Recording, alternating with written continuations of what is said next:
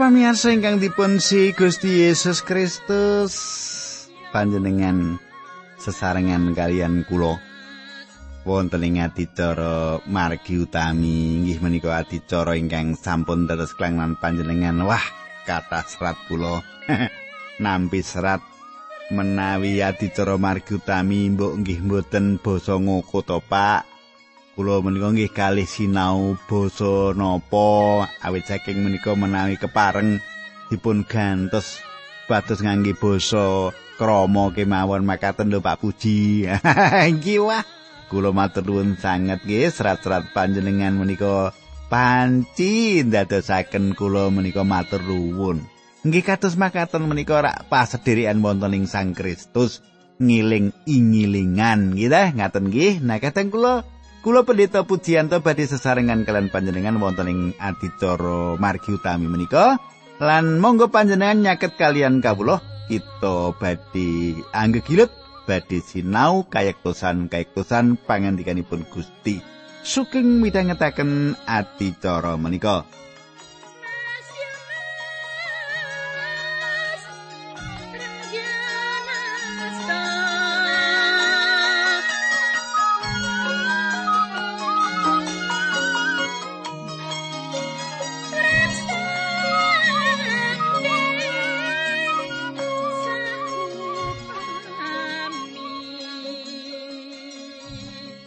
Para pamirsa menapa panjenengan tasih kemutan menapa ingkang kula andharaken ing wekdal kepengker menika? Nggih kula suwun panjenengan tasih kemutan ing kepengker. Nggih nalika kepengker menika kita sampun nyemak kados pundi Petrus khotbah. Nggih khotbah ing bangsal Salomo Sebanjuripun kados pundi kelajenganipun kita badhe nyemak ing dinten menika nanging saderengipun kita badhe ndedonga. Saderengipun ndedonga kula badhe ngaturaken salam dumateng Ibu Sumarti ingkang sampun nglayangi kula. Nggih Ibu Sumarti menika dusunipun saking Karangrejo. Nggih. Lajeng salam kula dumateng Bapak Suyatno. Nggih desanipun saking Tambak Sari. Nah, kadang kula ingkang kula tresnani kita badhe ndedonga nyuwun tuntunanipun Gusti. Dukane Rama ingkang ada dampar wonten kraton ing kasuwargan kawula patunggilan malih kalian sederek kawula ingkang setya tuhu midhangetaken adicara menika. Kawula nyuwun Gusti berkahi Gusti mitulungi supados menapa ingkang abdi paduka andharaken saestu dados kegiatan panglipuran tambahing kawruh kasukman dhateng sedherek kawula. Dinambaran asmanipun Gusti Yesus Kristus kawula ndedonga. Haleluya. Amin.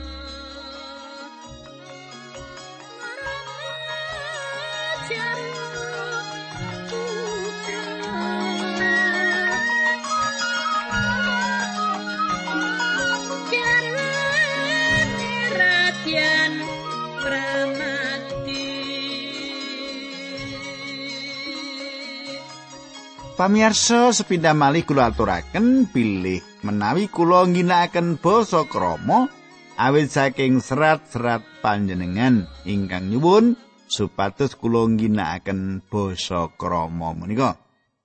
Nah, samenika pasinaon kita sampun ngancik ing kitab Para Rasul bab sekawan. Kitab Para Rasul bab sekawan makaten surasipun ayat setunggalan kalih panjenengan katosaken. Nalika Rasul Petrus lan Rasul Yohanes sisih padha ngandikani wong akeh mau dumadakan ditekani dening para imam pangedini sing jaga pedalamane Allah lan wong saduki. Wong-wong kuwi padha nepsu sebab para rasul padha mulang wong akeh yen Gusti Yesus wis wungu saka ing situ. Srana mengkono mbuktekake yen wong mati bakal katangekake. Panjenengan katosaken pangandikan menika. Pamirsa, sinten ingkang mimpin ing salebetipun nganiaya Gusti Yesus lan ingkang pungkasanipun tiang-tiang kalawau nawan lan nyedani panjenenganipun? Tiang-tiang kalawau inggih menika para pemimpin agami. tiang-tiang kala inggih menika para tiang Farisi. Tiang-tiang menika inggih menika mengsah mengsahipun Sang Kristus ing wekdal panjenenganipun wonten ing jagat menika. Nanging cekap kathah cekap kathah tiang Farisi ingkang dipun slametaken. Sambotenipun Nikodemus lan ugi Saulus menika tiang Farisi. Betsoto panjenengan Nikodemus lan ugi Saulus menika asal usulipun saking tiang Farisi.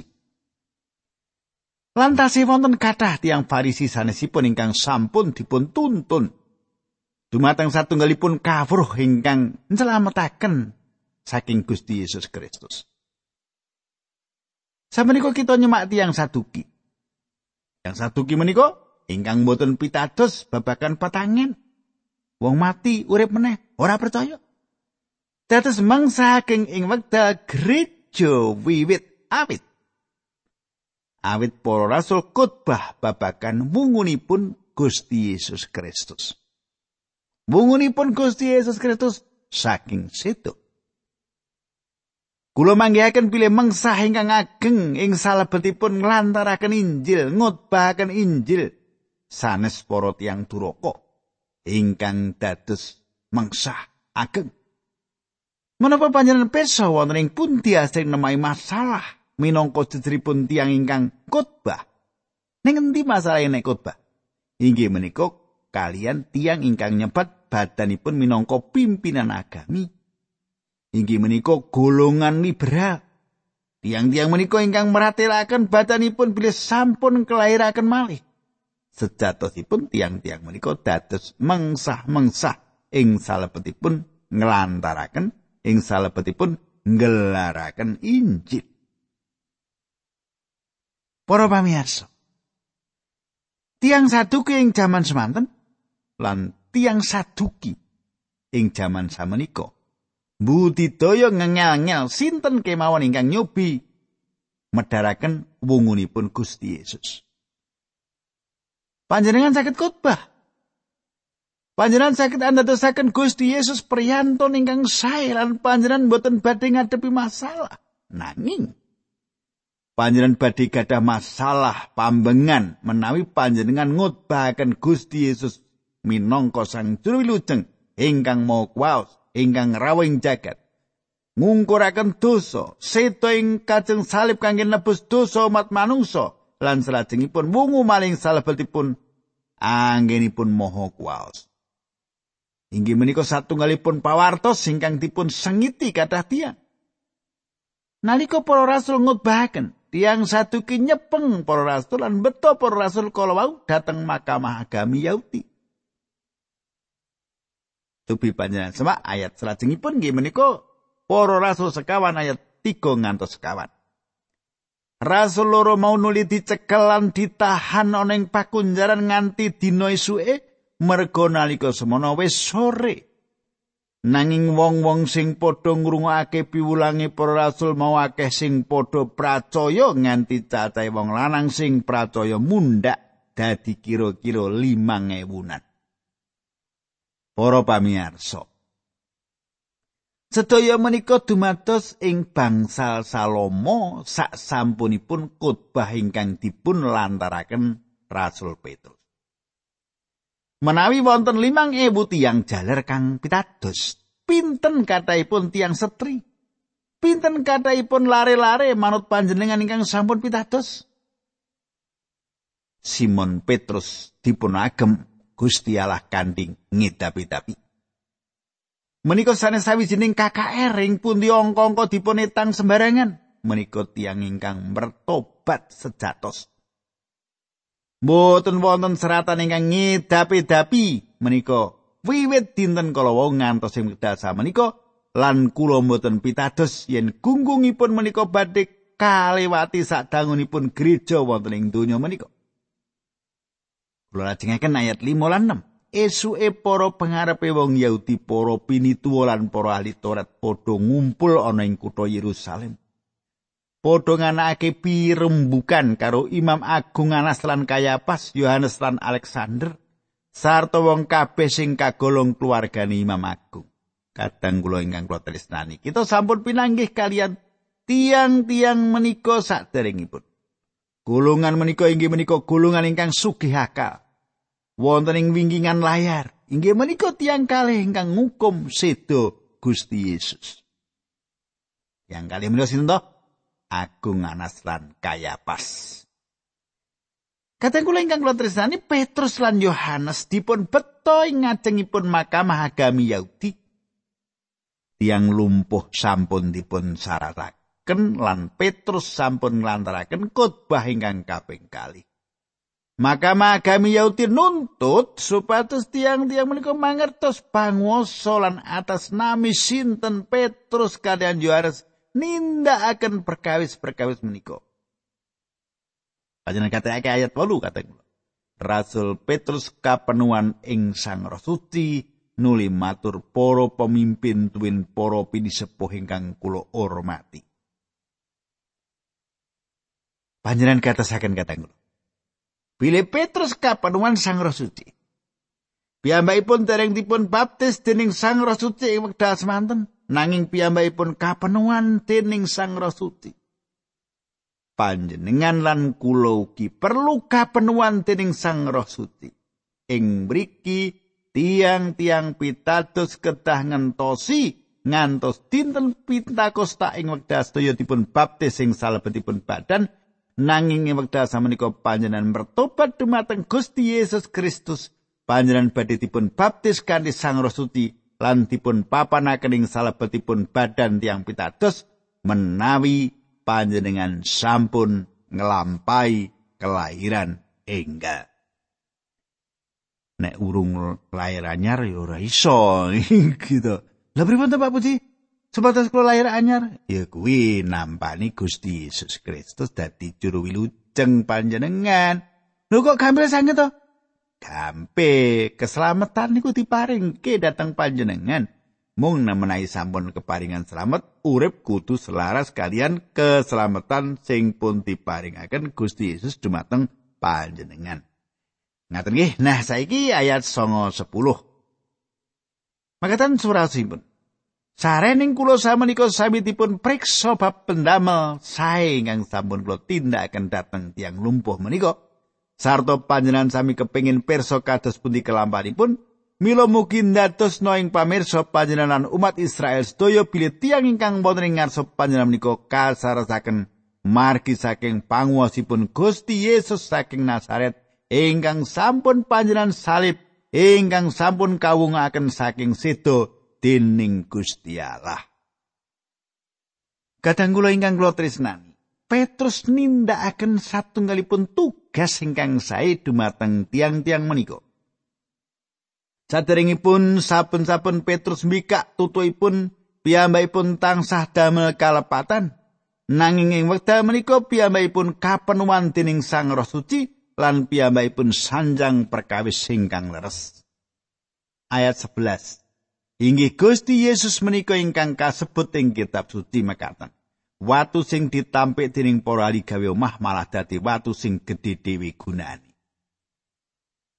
Para pamirsa Petrus nglajengaken kanthi nengenaken kalih perkawis gegayutan Gusti Yesus. Ingkang kawitan inggih menika bilih panjenenganipun sampun dipun salipaken lan dipun wungokaken saking situ. Kaping kalih inggih menika bilih Gusti Yesus Kristus inggih menika selo karang. Gusti Yesus sampun ngendika ing waktu karang iki aku bakal ngedekake pesamuanku. Matius 16 ayat 18. Menapa menika watu karang? Watu karang menika inggih menika Sang Kristus.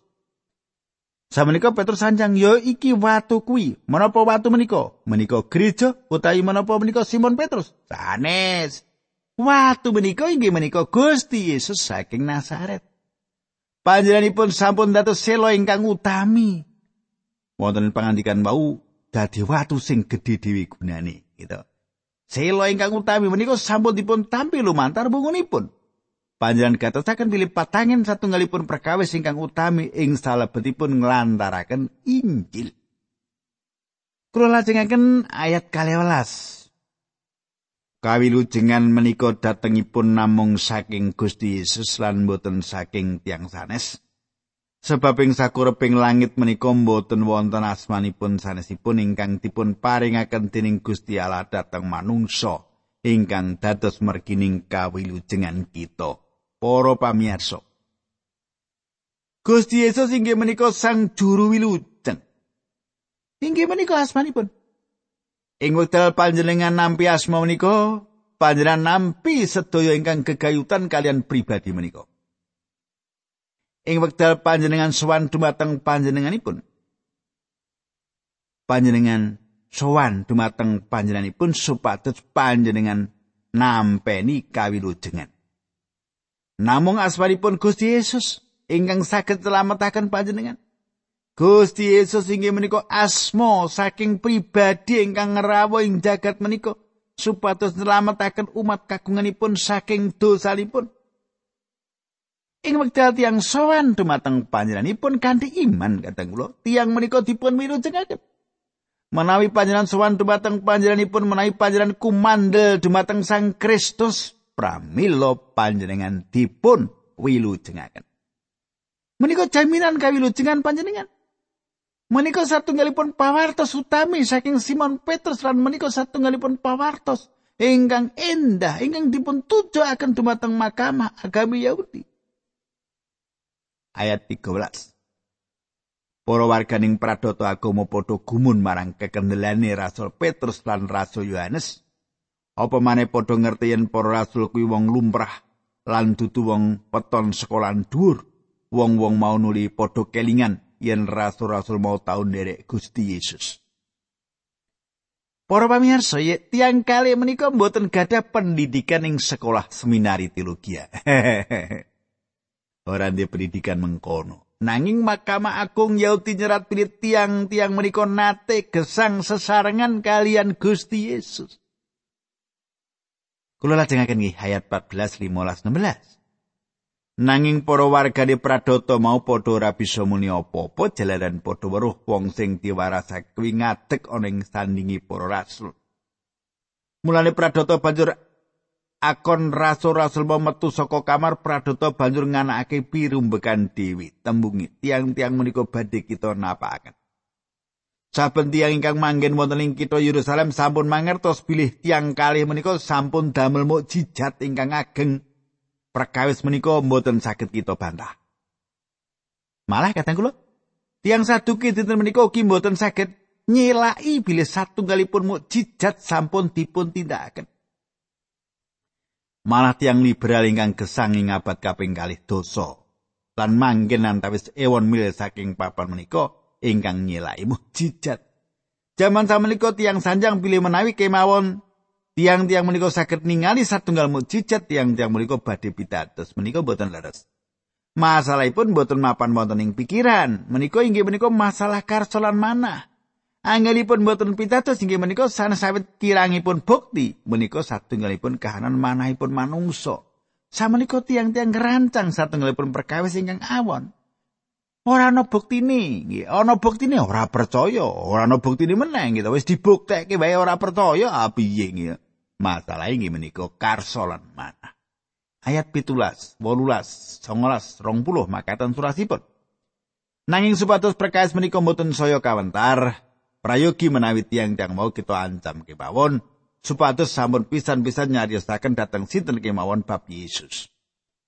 Rasul loro-loro nuli dikon mlebu maneh lan diancam supaya aja pisan-pisan nyebut utawa mulang bab Gusti Yesus. Tetapi Petrus lan Yohanes gadah satunggal jawaban kangge tiang-tiang menika ayat 19 20 likur. Nanging Rasul Petrus lan Rasul Yohanes mangsuli panjenengan kula atur inggalih piyambak. Punte ingkang leres wonten ing ngarsanipun Gusti Allah, nuruti dawuh panjenengan menapa manut dhateng dawuhipun Gusti Allah. Sebab kula sami mboten saged mendel nyariosaken perkawis ingkang sampun kula tingali lan kula pireng piyambak.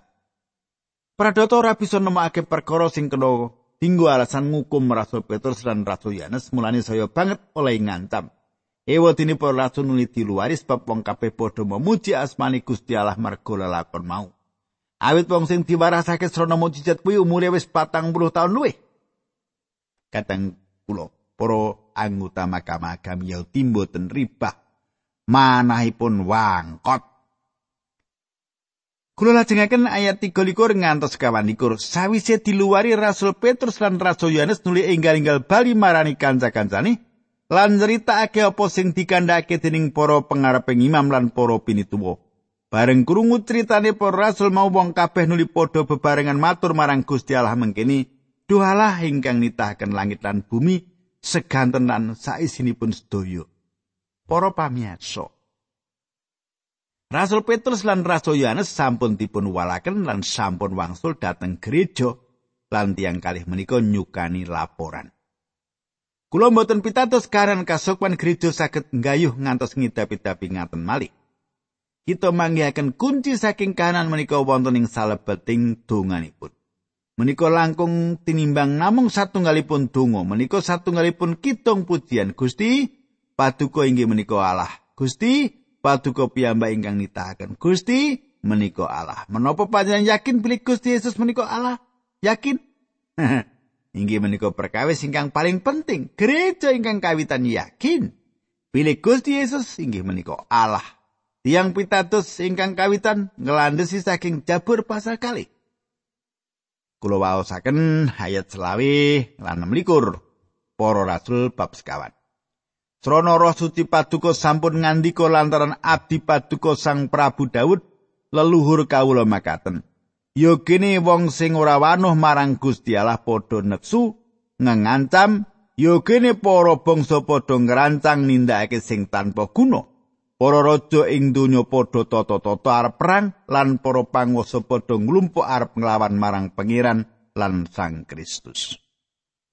Para pamirsa, Wiwitan pangganepan Mazmur kalih inggih menika ing wekdal tiang-tiang menika nyaripaken Gusti Yesus Kristus. Anggenipun sengit dumateng Gusti Yesus lan dumateng Allah sampun dados kados dene bal salju ingkang ncelorot dumateng abad-abad sadangunipun 1900 taun langkung. Perkawis menika ing tundhonipun badhe pecah dados puncak ingkang ngidap-idap ing bumi menika ing salebetipun pambaila pungkasan saking manungsa dumateng Gusti Allah. Kula wasaken ayat 17 28 29. Awit Sang Prabu Herodes lan Gubernur Pontius Pilatus pancen sampun sarembak kalian tiang kafir lan tiang-tiang Israel wonten ing kitha ngriki sumedya nglawan dhateng Gusti Yesus abdi paduka ingkang setya ingkang sampun paduka wisuda dados Sang Mesias. Anginipun sami nglempak wau margi badhe nindakaken samukawis ingkang wiwit-witan mila sampun paduka temto akan kanthi pangwasa miturut ing kersa paduka piyambak. Dene samenika duh pangeran mugi paduka kersa nguningani pangancamipun tiang-tiang menika dhateng kawula sedaya lan para abdi paduka mugi sami kaparingana kekendelan salebetipun sami martosaken Injil paduka. Para pamirsa ayat menika maratelaken satunggalipun donga ingkang ngidapi-dapi lan satunggalipun ibadah kekidungan, ibadah pujian. Tiang-tiang sedaya tunggal manah lan tunggal pikir. Panjenengan gatosaken pilih tiang-tiang menika mboten ndedonga supados panganiya dipun ndekaken. Tiang-tiang menika ndedonga supados dipun paringi kekendelan supados saged ngadepi panganiya menika. Tiang-tiang menika nyuwun pangwas lan kekendelan kangge wicanten gesang pesaman gereja ingkang kawitan benten kalian laku jantraning gesang jaman samenika. Para rasul sekawan ayat tigang mugi paduka kersa nguluraken asta paduka kangge nyarasaken sesakit lan keparenga kawula sami nindakaken kaeloan-kaeloan tuwin mujizat-mujizat srana asmanipun Gusti Yesus abdi paduka ingkang suci menika. Kadang kula panjenengan gatesaken panguwas saking gereja ingkang kawitan. Ayat tigang tunggal.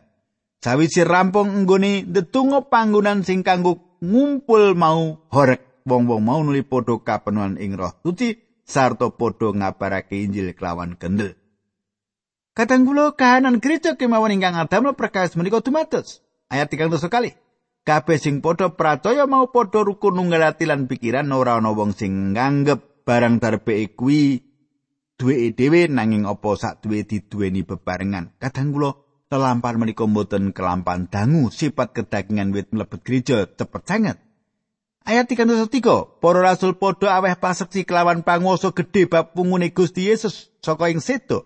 Dene Gusti Allah ngluberake berkah marang wong mau kabeh. Inggih menika saripatipun pekabaran Injil. Ayat tigang dosa sekawan ngantos tigang dosa pitu. Ing pasaman mau ora ana wong siji-siji sing nandang kekurangan merga wong sing padha duwe palemahan lan omah padha didol. Pepayone nuli dipasrahke marang para rasul duwite banjur ditum-tum marang wong-wong sing padha mbutuhake miturut gedhe cilik ing kabutuhane. Semono Yusuf sing dening para rasul disebut Barnabas tegese panglipur wong Lewi saka pulau Siprus. Ngedol pategalani dini duit pepayone nuli dicaosake marang para rasul. Kadang kula angel kangge kita supados mraktekaken gesang kados dene jaman samenika nggih King menapa awit kedah wonten tataran kasukman ingkang sami lan kita mboten nggadahi ing wekdal menika kita perlu gadah sawijining kegayutan ingkang langkung caket kalian pribadi Gusti Yesus Kristus kita sampun dipun kenalaken kalian Barnabas kita badhe mireng langkung kathah kegayutan kalian piyambakipun Nah, salajengipun kados pundi? Kadang kula kita badhe lajengaken dinten candhaipun. Monggo kita temungkul kita ndedonga. Kawula sampun sinau saking lelampahan para rasul bab sekawan menika Gusti. Kawula nyuwun paduka tuntuni sanakatang kawula menika lan kawula pasrahaken gesangipun wonten ing pimpinan paduka inambaran asmanipun Gusti Yesus Kristus kawula ndedonga. Haleluya. Amin.